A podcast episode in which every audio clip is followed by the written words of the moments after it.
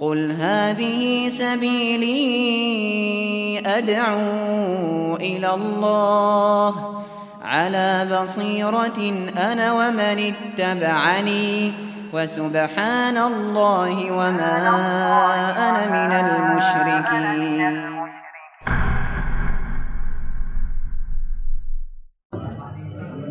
Bismillahirrahmanirrahim. Assalamualaikum warahmatullahi wabarakatuh. Waalaikumsalam warahmatullahi wabarakatuh. Innal hamdalillah nahmadu wa nasta'inu wa nastaghfiruh wa na'udzu billahi min shururi anfusina wa min sayyiati a'malina. May yahdihillahu fala mudilla lahu wa may yudlil fala hadiyalah wa asyhadu an la ilaha illallah وحده لا شريك له وأشهد أن Allahumma salli ala nabiyyina Muhammad wa ala alihi wa man tabi'ahum bi ihsan ila yaumiddin. Allahumma inna nas'aluka imanan la yartad wa na'iman la yanfad wa murafaqata Muhammad sallallahu alaihi wasallam fi a'la jannatil khuld. Baik uh, para jemaah sekalian, kita kembali melanjutkan pembahasan kita dari pembahasan kita tauhid kali ini pembahasan terakhir kita mempelajari macam-macam sihir.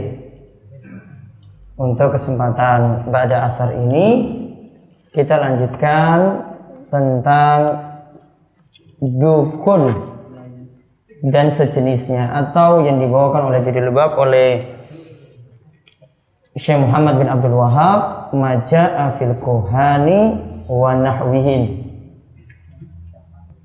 Tentang dukun dan sejenisnya. Tentang dukun dan sejenisnya.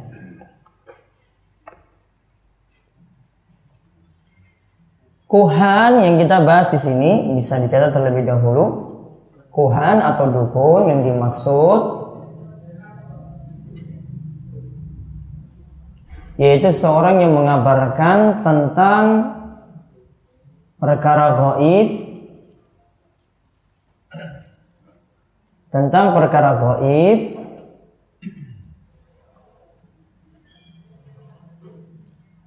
yang terjadi pada masa akan datang.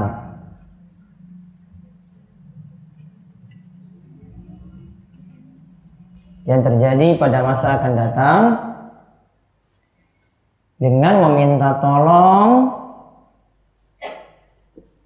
pada setan. Dengan meminta tolong pada setan.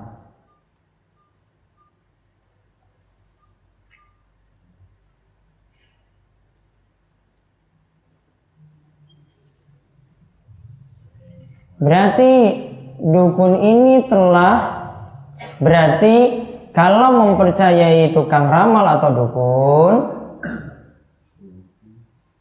berarti kalau telah mempercayai tukang ramal atau dukun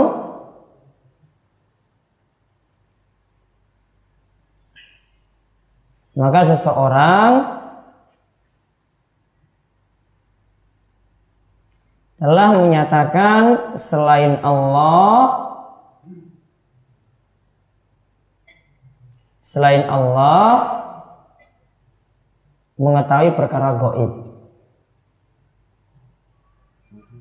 telah menyatakan selain Allah mengetahui perkara goib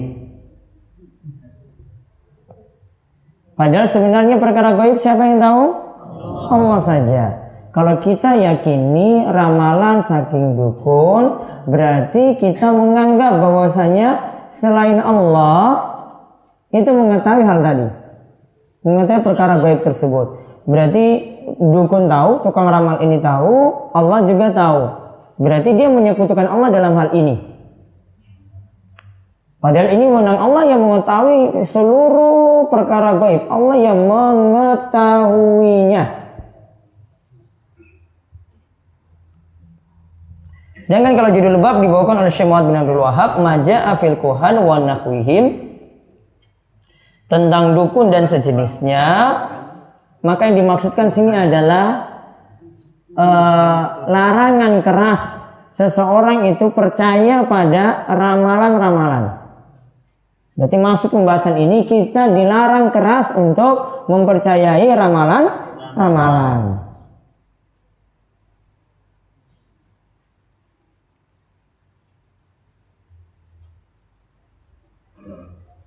Sekarang kita lihat hadis-hadis yang membicarakan masalah ini tentang dukun dan sejenisnya di sini. Monggo dibaca. Imam Muslim meriwayatkan dari salah seorang istri Nabi Shallallahu Alaihi Wasallam, dia menuturkan bahwa Rasulullah Shallallahu Alaihi Wasallam bersabda, "Man ata arrafan fasa'alahu an say'in fasaddaqahu, lam lam tuqbalahu salatu arba'ina yauman. Barang siapa yang mendatangi tukang ramal dan menanyakan sesuatu kepadanya serta membenarkan ucapannya, maka sholatnya tidak akan diterima selama 40 hari. Baik. Lihat, ini riwayat Muslim kata Syekh bin Abdul Wahab. Dari sebagian istri baginda Nabi Shallallahu alaihi wasallam bisa dicatat situ sebagai istrinya di sini adalah Hafsah. Hafsah.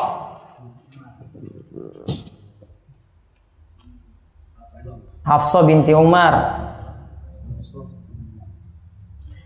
Yaitu dikatakan Nabi SAW itu bersabda, Man ata arrofan, siapa yang mendatangi tukang ramal, Terus bertanya tentang sesuatu. Fasaddaqahu. Lalu dia membenarkannya. Lantuk ballahu sholatun arba'ina yauman. Maka sholatnya 40 hari tidak diterima. Diberi catatan di situ tidak diterima, tidak diberi pahala. Sholatnya tidak akan diterima maksudnya tidak diberi pahala.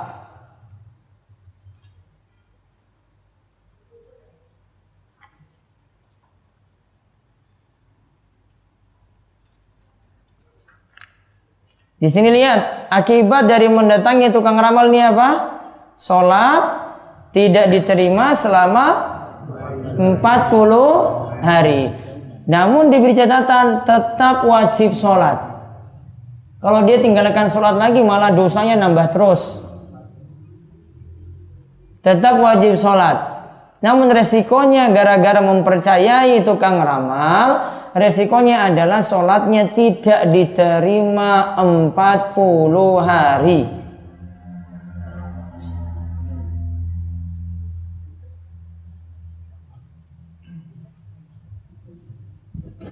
Nah kalau kita mendatanginya saja dikatakan sholatnya tidak diterima 40 hari, apalagi tukang ramalnya.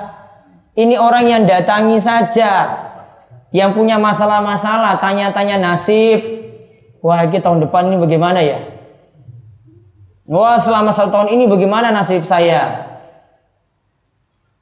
Ini yang datang saja seperti itu, apalagi yang jadi dukun. Lebih parah daripada itu.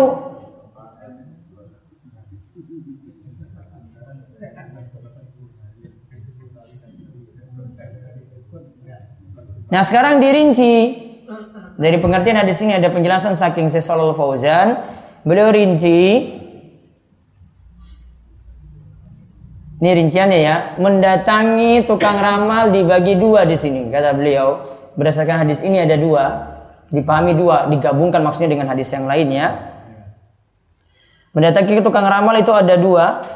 Satu, mempercayainya.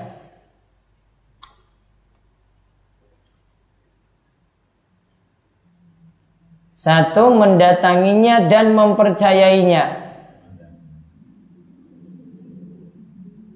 Jadi hukum datangi tukang ramal. Yang pertama tambah percaya ya, yakin dengan ramalannya tadi. Tulis hukumannya telah kufur pada apa? Yang diturunkan pada Nabi Sallallahu Alaihi Wasallam telah kufur pada apa yang diturunkan pada Nabi Sallallahu Alaihi Wasallam.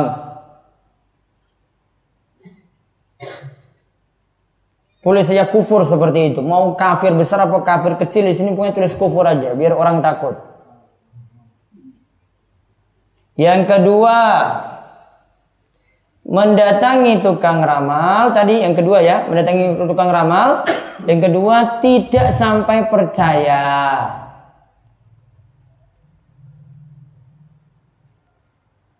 maka sholatnya tidak diterima maka sholatnya tidak diterima selama 40 hari.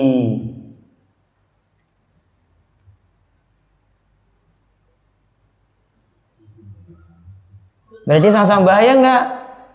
Iseng-iseng. Ini sekarang tuh datangi tukang ramal tuh berarti bukan berarti ngetok pintunya, tok tok pak, iki nasiku piye? Bukan, ini bawa buku ramal-ramalan. Bawa masuk dalam rumah, mocok. Koran, majalah, baca. Sama hukumnya, bahkan itu lebih parah. Ini bukan lagi datangi, masukkan dalam rumah sendiri. Nyetel TV, wah ada ramalan ini, ini, ini bagus nih kayak ini. Nasib saya dalam satu minggu didengar terus, termasuk sama. Ini bukan mendatangi lagi, namun apa? Memasukkan dalam rumah. Gampang nggak sekarang? Gampang.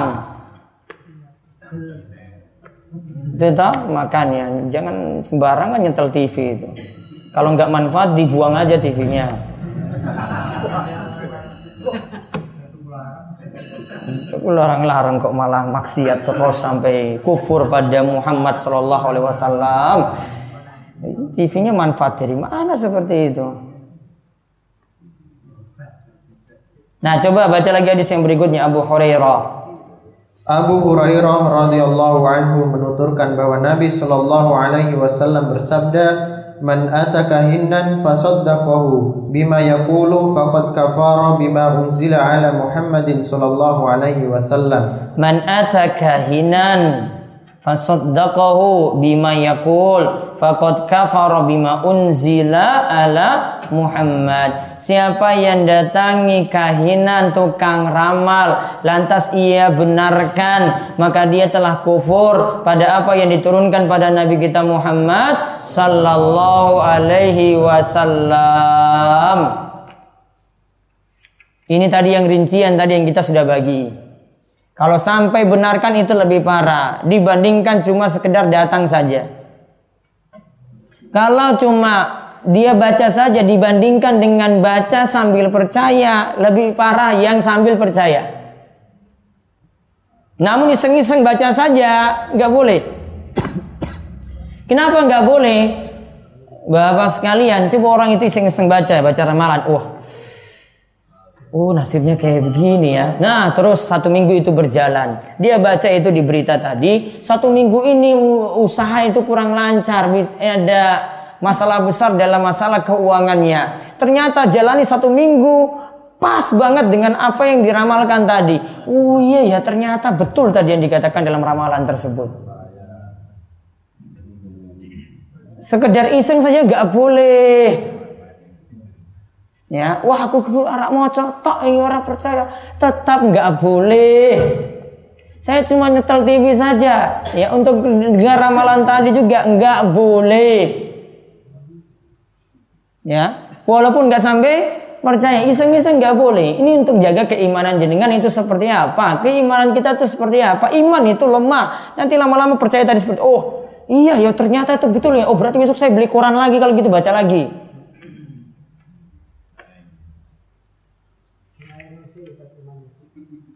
Terus baca lagi yang berikutnya. Abu Hurairah. Abu Hurairah menuturkan bahwa Nabi Shallallahu Alaihi Wasallam bersabda, man ata arrafan aw kahinan fasaddaqahu bima yaqulu faqad kafara bima unzila ala Muhammadin sallallahu alaihi wasallam Siapa yang mendatangi arrafan yang mendatangi dukun dan tukang ramal nanti pengertian itu nanti akan di akhir disebutkan dukun atau tukang ramal fasaddaqahu bima yakul melalui ia benarkan apa yang diucapkan tadi Fakot kafar bima unzila ala Muhammad sallallahu alaihi wasallam maka ia telah kufur pada apa yang diturunkan pada Nabi kita Muhammad sallallahu alaihi wasallam. Terus Abi Ya'la meriwayatkan hadis yang mauquf dengan sanad yang jayid dari Ibnu Mas'ud seperti tersebut di atas. Sekarang lihat dalam hadis marfu lagi di halaman berikutnya. Dalam hadis marfu dari Imran bin Husain Rasulullah sallallahu alaihi wasallam bersabda, "Laisa minna man tatayyara aw tutuyyira au tuduyyira lahu au takahana au tukuhina lahu au sahara au suhira lahu. Wa man atakahinan fasaddaqahu bima yaqulu faqad kafara bima unzila ala Muhammadin sallallahu alaihi wasallam Tidaklah termasuk golongan kami orang yang melakukan atau meminta tatayur, meramal atau meminta diramalkan, menyihir atau minta disihirkan. Barang siapa yang mendatangi dukun dan membenarkan ucapannya, maka sesungguhnya dia telah ingkar dengan wahyu yang diturunkan kepada Muhammad wasallam. Nah, laisa minna man tatayyara aw tutuyira lah aw takahana aw tukuhina aw sahara aw suhira lah wa man ata kahinan fasaddaqahu bima yaqul faqad kafara bima unzila ala Muhammad sallallahu alaihi wasallam. Tidaklah termasuk golongan kami orang yang melakukan atau meminta tatayyur. Tatayyur nanti kita bahas sendiri. Yaitu beranggapan sih sial. Nanti babnya sendiri akan datang setelah ini. Meramal atau meminta diramalkan. Oh ini berarti jadi tukang ramal Dukun yang di Terus ada yang minta diramalkan datang pada tukang ramal minta diramal nasib. Minta kapan hari baik. Minta kapan buka warungnya pas itu kapan biar usahanya lancar. Minta ini kapan juga ini bangun rumah. Ini pasnya itu saya peletakan batu pertama itu kapan? Semuanya diramal. Saya mau pergi ke Surabaya, ini pasnya itu hari apa? Semua ditanya pada tukang ramal tadi nasib-nasibnya semuanya. Ini biar lancar, biar ini, biar ini, biar itu. Sama juga, dia ramal nasib dengan hitung hari-hari baik. Pakai ilmu apa? Mbak saya. Neptu-neptu tadi yang jenengan hitung-hitung. Ya, nanti dikurangi berapa itu? Sembilan apa ya? Iya pak. Nah itu toh terungkap lah di sini.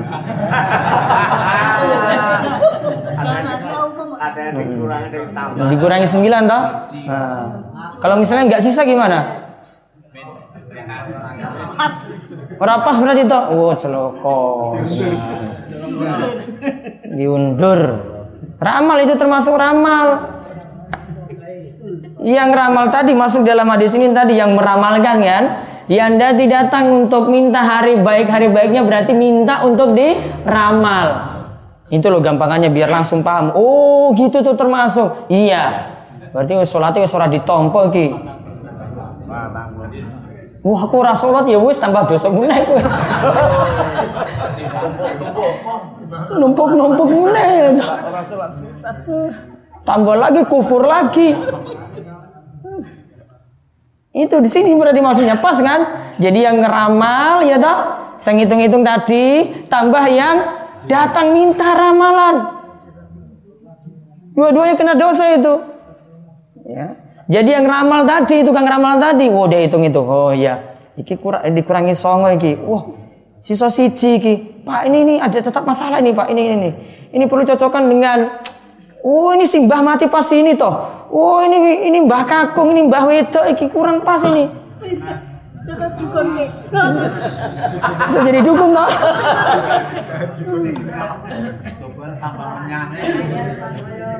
Ngerti di Google aja paham seperti itu tanya mbah Google aja ini tanya seperti itu bisa. Mbah Google aja paham.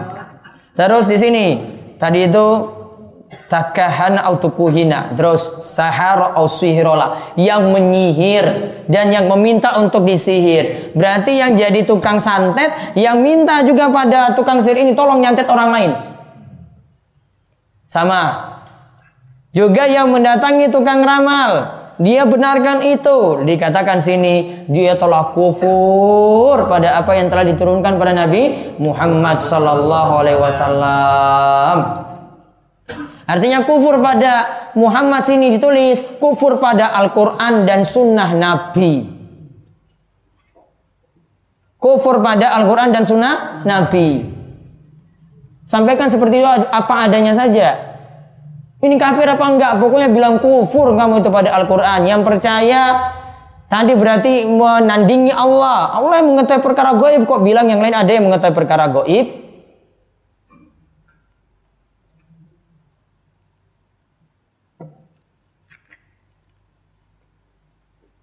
Ini padahal di masa Nabi SAW loh diingatkan kayak gini karena orang-orang jahiliyah kayak gini loh. Berarti masyarakat masih mempertahankan seperti ini berarti masih ada tradisi-tradisi jahiliyah. Mungkin sekarang tuh jahiliyahnya lebih banyak daripada masa dulu itu.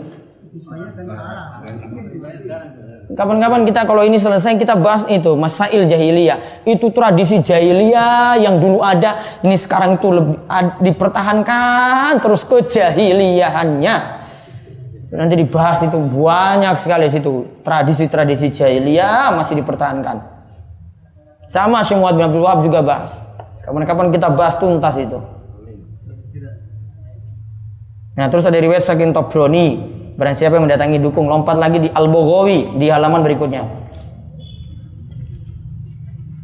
Nah ini pengertiannya coba baca.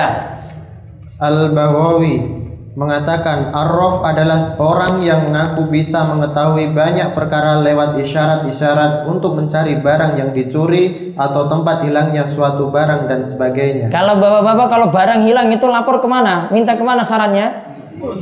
Bukan yang lain-lain dulu. Polisi nggak bisa cari, polisi cuma dilaporkan saja terima. Apa? Ada yang kayak gitu bisa nyari barang hilang? Temu nggak? Nggak juga, dia pusing berarti. Wes bayar larang rai semeneh. Ya, itu namanya arraf. Ada barang hilang, datangi tukang ramal tadi, tolong Pak, ini saya cari-cari dompet saya itu nggak tahu ya di mana. Padahal dia sendiri sebenarnya saya lali wes tua. Ya. Dia cari-cari nggak dapat. Padahal cuma mungkin di atas lemari dia taruh itu. Tanya pada tukang ramal tadi. Wah itu kayaknya dalam rumah. Biasanya jawabannya itu global. Nah, nggak bisa tunjuk persis itu di mana. Ya, ternyata dicari-cari, oh di atas lemari. Nah, datang ke tukang ramal, oh betul pak dalam rumah pak. Ngugur jawab dalam rumah saja bayar ya Allah. Itu namanya arraf. Ya, arraf itu tukang ramal juga, namun ini untuk barang yang hilang. Di daerah kita ini ada gak seperti itu? Ada. Uh, kalau di Saudi itu dipotong dipenggal lehernya itu. Terus ada pula ada pula yang mengatakan bahwa makna arraf adalah kahin atau Jadi sama, arraf itu sama dengan kahin, dukun, tukang ramal secara umum. Terus Kahin adalah orang yang mengaku bisa mengabarkan kejadian-kejadian yang akan terjadi di masa yang akan datang. Wah, itu nanti tahun ini nasibmu itu seperti ini seperti ini. Wah nasib nanti untuk Gunung Kidul ini setelah ramalan ini dibuka nanti nasibnya seperti ini seperti ini. Dia ngerti gitu. kita akan paham. Dibuka tanggal semene mau dekat bulan suro mau tanggal dekat tanggal siji suro dibuka. Warga semua datang, yang caleg-caleg semuanya datang Dibuka belum tentu itu ramalannya pas. Oh, dapat kain putih. Iki ketok iki sing warnanya di foto itu yang pakai background putih, itu yang menang nanti. Nah. Oh, ini dapat gambar tulang gitu diangkat. Oh, ini kayak begini gini gini ramalannya. Kan iso ngawur itu kan setiap orang punya bisa pakai tanggapan masing-masing. Iya kan? Nah, saya dengan ini ya beda. Oh, ini nanti ramal beda lagi. Oh, ini lagi beda lagi. Terserah macam-macam punya penafsiran. Nah, itu itu percaya sama seperti ini berarti tadi percaya pada Allah, percaya pada Tuhan. Salatnya ora ditompo. Oh, 40 hari dibaleni meneh nambah meneh. Terus ada pula Ada pula yang mengatakan bahwa Ar-Raf adalah orang yang mengaku bisa menyingkap sesuatu yang tersimpan dalam hati. Uh, hatinya bisa ditebak ini. Wah. Bisa dibuka ini. Kayak ini dia gak senang dengan saya ini. Hmm. Namun yang kadang yang dua hal ini nih kadang eh, disebabkan juga ini yang kita eh, bahas karena ikut ilmu perdukunan atau sengaja mendatangi dukun, akhirnya jin itu dimasukkan dalam tubuh sehingga bisa menerawang. Ya, menerawang akan datang. Bahkan untuk keadaan-keadaan oh di belakang itu ada jinnya itu, Pak. Oh, di situ itu ada jinnya warna gini gini gini gini. Anak kecil ada yang seperti itu, namanya indigo ini. Ya. Boleh nggak dipercaya? Nggak boleh. Walaupun mungkin nanti ada yang benar dalam masalah ini. Namun itu sebenarnya dia mengetahuinya itu setan atau jin. Bukan dia. Manusia itu tidak normal kalau seperti itu. Kok bisa menerawang lihat seperti itu? Harus dirukiah. Terus Abul Abbas.